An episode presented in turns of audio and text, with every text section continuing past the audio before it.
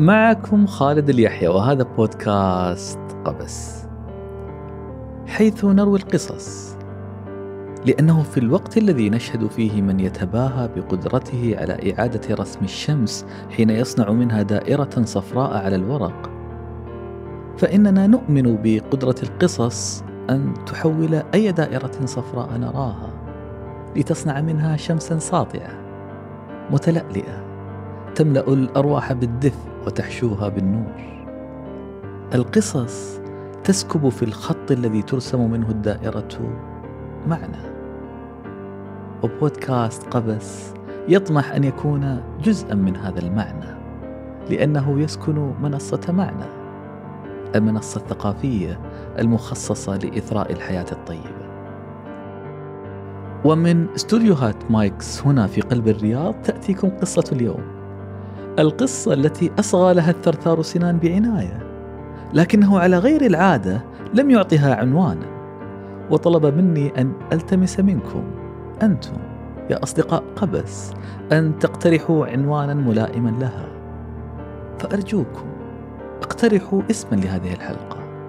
اكتبوه في رسائلكم في تغريداتكم في مكان سري في دفاتركم التي لا يراها أحد. واشوشوا به لأصدقائكم. فقصة اليوم قد تكون قصتنا لأنها تبدأ بسؤال. السؤال الذي كان عنوانا لمحاضرة والتي تعد بكثير من المقاييس أهم محاضرة في القرن العشرين على الإطلاق. المحاضرة لم تكن لأينشتاين ولم ينطق بها بيكاسو. وكلا لم تكن لأحد مشاهير الساس الذين اصطفوا أمام الميكروفونات وبرقت عيونهم لوميض آلات التصوير. محاضرة تلقف نسختها المطبوعة أكثر من مئة ألف. ثلاثة ممن اقتنوا النسخ صاروا من أشهر رموز الزمان. المحاضرة الكبرى ذروة التحول المعرفي الإنساني. عندما وقف إروين الذي شهد انقلاب العالم على رأسه ثم شهد انتكاسته مرة أخرى. وقف بعد أن ادلهم الأفق بالسواد. وقف أمام جمهوره. وسأل سؤالا. سؤال سارت به الركبان. لكي ندرك أهمية السؤال يجب أن نعود أربعين سنة للوراء. أربعون سنة قبل أن يقف اروين لإلقاء محاضرته. بالضبط مع بداية القرن العشرين. كانت الثورة الصناعية قد آتت أكلها. القطارات تأتي بالبشر من كل فج عميق. محرك الديزل يتلظى بالوقود. أسلاك التلغراف تلتف حول المدن الكبرى. ماركوني يسوق للراديو. ألكسندر جراهام بيل يتسلم براءة اختراع التليفون. وجي بي مورغان في نيويورك يعلن عن أول مؤسسة تصل قيمتها لمليار دولار. وفي العلم كل شيء صار خاضعا للتجربة. كل شيء بمقدار. دفاتر العلماء بدأت تحسب كل شيء. ومع نزوح البضائع والأسواق بدأ البشر أيضا بالنزوح. يتركون مزارعهم الصغيرة لهاثا وراء الثراء الموعود في المدن الكبيرة. يأتون إليها كغرباء. بدأ مجتمع المدينة يتغير يتلون. بسبب أولئك القادمين الملطخين ببساطة القرية.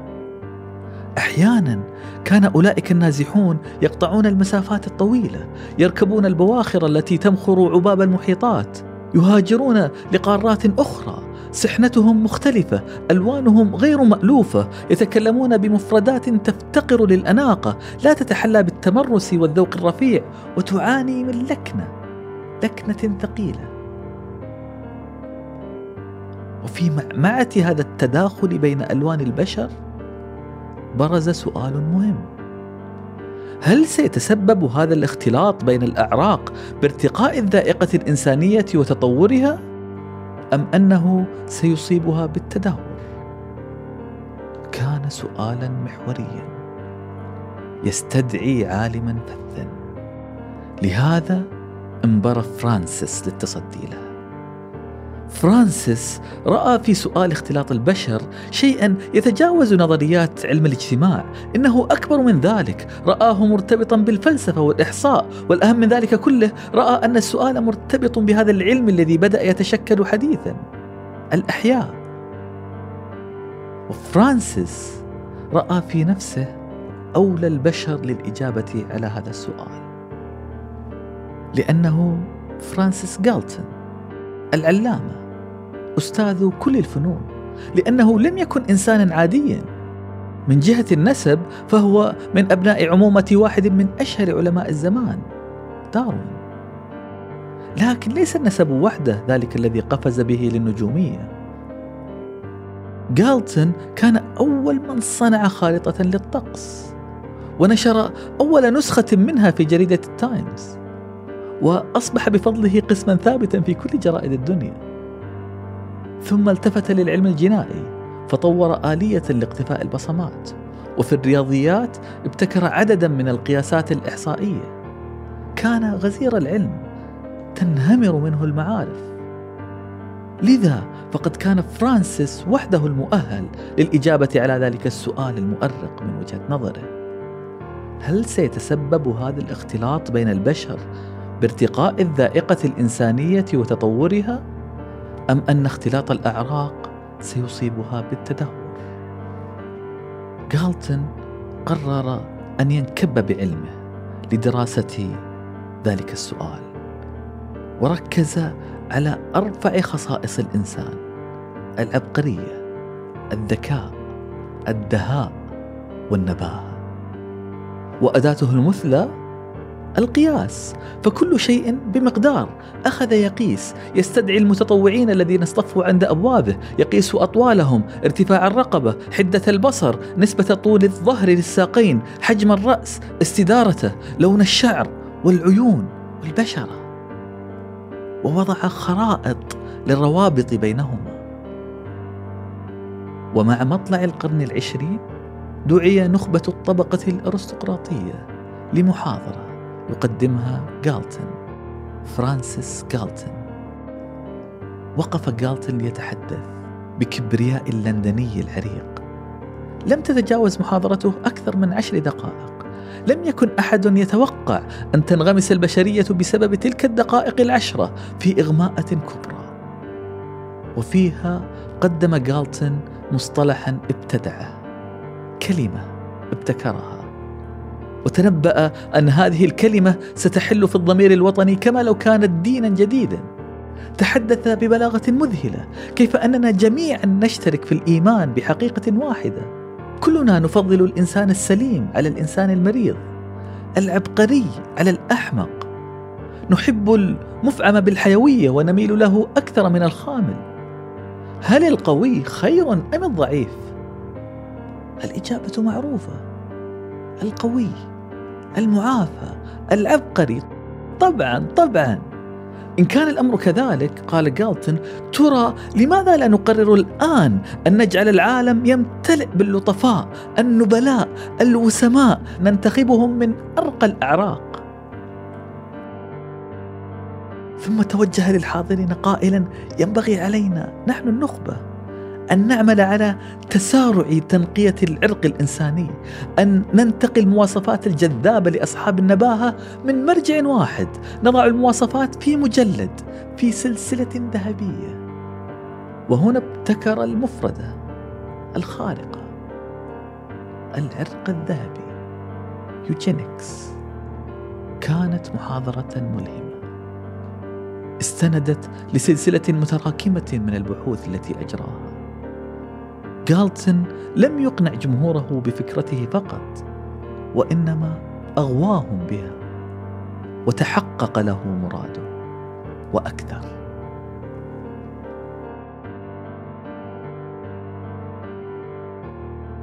بعد سنة واحدة من وفاة جالتون توافد حواريوه من أنحاء العالم إلى فندق سيسيل في لندن.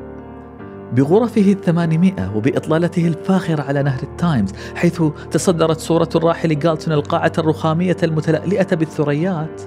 تجمع النخبة. وينستون تشرشل. لورد بلفور ألكسندر جراهام بيل. تشارلز إليوت رئيس جامعة هارفارد. في المؤتمر الأول للعرق الذهبي. وكانت المواضيع مدهشة. المشاركون في المؤتمر لم يتحدثوا عن نقاء العرق الذهبي الأبيض وإنما عن كيفية التقليل من آثار أصحاب العرق الفضي والنحاسي والخشبي والعرق المقرف بنظرهم الزنجي. كلنا نعلم أن الأذكياء نادرون السواد الأعظم هم المغفلون والحمقى والمعتوهون والمعتوهون بالذات يحتاجون معاملة خاصة تكمن في أن نضطر لإيقاف نسلهم أن يتم منعهم من التكاثر. يجب أن يسلبوا إمكانية أن يورثوا نقصهم للأجيال القادمة. فأولئك الذين لا تجري دماؤهم بالعرق الذهبي عليهم أن يضمحلوا. تلك الشريحة التي ليس لها شرف الانتساب للنخبة ينبغي الحرص على محو نقائصها. وراجت الفكرة في ذلك المؤتمر. وتوسعت دائرة المؤمنين بها. سنة تلو سنة أخذ يزداد عدد حواريي جالتون حتى حلت سنة 1927 التي تزامن فيها أمران مثيران الأول في أمريكا والثاني في أوروبا. في أمريكا في عام 1927 حيث انضوى أكثر من 20 ألف طالب في أكثر من 350 كورس متخصص في العرق الذهبي ازدهرت بهم أروقة الجامعات في تلك السنة وبعد تراكمات اجتماعية. أطلق قاضي المحكمة الدستورية العليا أعنف خطاب من نوعه. ما زالت أصداؤه تتردد حتى يومنا هذا. بعد أن أعطى تصريحا للأطباء أن يقوموا بقطع قناة فالوب في رحم فتاة. اتهمت بأنها مغفلة. من أم مغفلة وابنتها مغفلة. برر موقفه بقوله أن ثلاثة أجيال من المغفلين كافية. ودشن بهذا التصريح سلسلة من ستين ألف عملية شبيهة لأصحاب الدرجات المنخفضة في اختبار سمي IQ test اختبار الذكاء الذي مر بتحديثات متعددة. ومخصصة لهذا الهدف. في عام 1927 تصدرت سلسلة روايات طرزان قائمة الكتب الأكثر رواجا في أمريكا. عن الفتى الإنجليزي الأرستقراطي الذي وجد نفسه يتيما في الغابة ترعاه القرود والذي لم يحتفظ فقط بلونه الأشقر الجذاب وشعره الذهبي المسترسل وبنية عضلاته المشابهة للتماثيل الرومانية. وإنما احتفظ بأخلاقياته النبيلة واستنكر على القبائل الوحشية التي عاش معها طريقتها في الأكل ونفر منها وقادته فطرته التي ورثها من عرقه الذهبي لأن يستخدم الملعقة والشوكة والسكين في الغابة. طرزان يمعن في التأكيد على نبل السلالة والتفوق العرقي. وفي الجهة الأخرى من الكوكب في أوروبا في عام 1927 تحديدا في أحد سجون ألمانيا وجدت نسخة من كتاب ألفها أحد الحاضرين للمؤتمر الأول للعرق الذهبي. وجدت هذه النسخة طريقها لأحد السجناء. كان هذا السجين قد أزعج السلطات بآرائه الحادة اسم السجين إيدولف. إيدولف هتلر. والكتاب الذي وقع بيده اسمه طهارة السلالة. بعد سنوات سيتولى السجين إيدولف هتلر منصب القائد الأعلى لألمانيا. وبيمينه كتاب يؤكد أن السلالات الموسومة بالتخلف ستسمم الأمة الألمانية. وبعد أن استعار كل مفردات جالتون قرر هتلر أن تتخلص الأمة الألمانية من سمومها فأدرجت قائمة من العاهات التي يتوجب إبادتها كان منها التخلف العقلي المشوهون المولودون عميانا المكتئبون. والمصابون بالشيزوفرينيا ولكي تتم إبادة هذه السلالات ينبغي إبادة نسل أصحابها رغما عنهم بغض النظر عن اعتراضاتهم. ولأجل هذا الغرض تحديدا أنشئت محاكم ال eugenics محاكم العرق الذهبي المتخصصة في الحكم بجواز إجراء جراحة استئصال أعضاء التكاثر البشري على المصابين بتسمم السلالات. أكثر من 200 محكمة في أرجاء ألمانيا. ريتشارد ولينا رفعوا التماسهم لهتلر أن يطهروا ابنهما جيرارد الذي ولد أكمه لا يبصر. الوالدان شعرا بالمسؤولية تجاه الأمة وعزما على أن يمنعا ابنهما من توريث صفاته الجارحة للكمال الألماني المنشود. الحياة ينبغي أن تعطى فقط لمن يستحق العيش. في نوفمبر 1933 تمت إضافة تصنيف جديد للأمراض. أضيفت طائفة الأشرار وقضت المحكمة بإجراء عمليات التعقيم كعقوبة للكتاب والمؤلفين الخطيرين. فجأة لم يعد البشر سواسية وتوحشت ألمانيا جدا. وجرى كل هذا باسم العلم فكل العمليات كانت تقام في مختبرات فائقة التطهير ويؤديها فريق يحرص على ارتداء قمصان الأطباء البيضاء. التصفية بناء على الجينات كانت تجري باسم قداسة العلم ونظرية العرق الذهبي صورت بصفتها تجربة علمية مهمة حتمية وضرورية لتطور العلم. خلال عشر سنوات تم إجراء عمليات التعقيم الإجبارية لأكثر من أربعمائة ألف من القاطنين في الأراضي الألمانية. لم يكن ذلك كابوسا للضحايا فقط وإنما للعلماء أيضا. وهنا بالضبط بدأ التململ. ألمانيا قبل بداية هذا الجنون كانت قبلة العلماء والمفكرين أينشتاين كتب نظريته النسبية بالألمانية.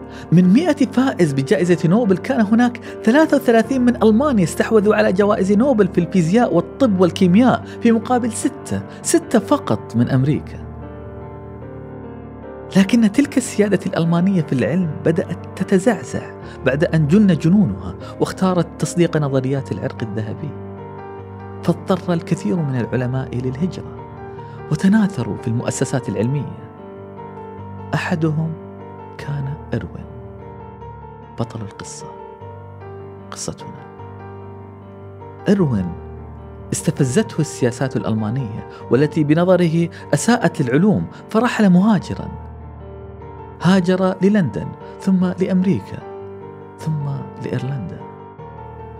إروين إمبراطور الفيزياء الحائز على جائزة نوبل الذي فكك سلوك الجسيمات فائقة الصغر الذرات ومحتوياتها رحل مهاجرا. ولم يقتصر رحيله على مغادرة وطنه وإنما أيضا رحل عن تخصصه. آمن إروين أن قضية الجينات لم تعد مرتبطة بتخصص الأحياء فقط. لا ينبغي أن يتحدث بها فقط جالتون وأشباهه وحواريوه وإنما ثمة تركيبة أكثر تعقيدا. ويجب أن توجه لها الأدوات العلمية المكتشفة حديثا. وفي يوم بارد بالتزامن مع تجمد قوات هتلر في روسيا وقف إروين أمام أربعمائة شخص في واحدة من أهم محاضرات القرن العشرين. إروين شرودنجر أعظم علماء عصره بعد أن يبس على الدهر وأصبح الدهر جائعا منه وقف يحمل عبء أربعين سنة من كوارث المنتسبين للعلم الذين تسببوا بأنواع الإبادة بشتى المجالات وسأل سؤالا كان عنوان المحاضرة ما الحياة؟ وفيها وصف ما يعتقد أنه مؤسس للجين للعرق. أنه لم يكن شيئا ذهبيا وإنما مركب كيميائي يحمل شفرة. في أعماق هذه الشفرة يكمن سر الحياة. طبعت المحاضرة وتناهبتها الأيادي في أنحاء الأرض. أحد القراء كان اسمه واتسون غير التخصص بسبب المحاضرة. الثاني كان اسمه كريك غير التخصص بسبب المحاضرة الثالث اسمه ويلكنز غير التخصص بسبب المحاضرة وبعد سنوات دعي هؤلاء الثلاثة واتسون وكريك وويلكنز لتسلم جائزة نوبل بفضل اكتشافهما لتركيبة الحمض النووي في أعماق الخلايا الحية. أرسل هؤلاء الثلاثة إهداءهما لإروين شرودنجر وقالوا أنهم لولا إلهام تلك المحاضرة لهم لما حدقوا مجاهرهم تجاه هذا المركب العجيب. وهكذا انتهت المغامرة مغامرة ال eugenics مغامرة العرق الذهبي ال eugenics التي نشأت قلقا من الهجرة جاءت نهايتها على يد مهاجر يتحدث الإنجليزية بلكنة وافدة.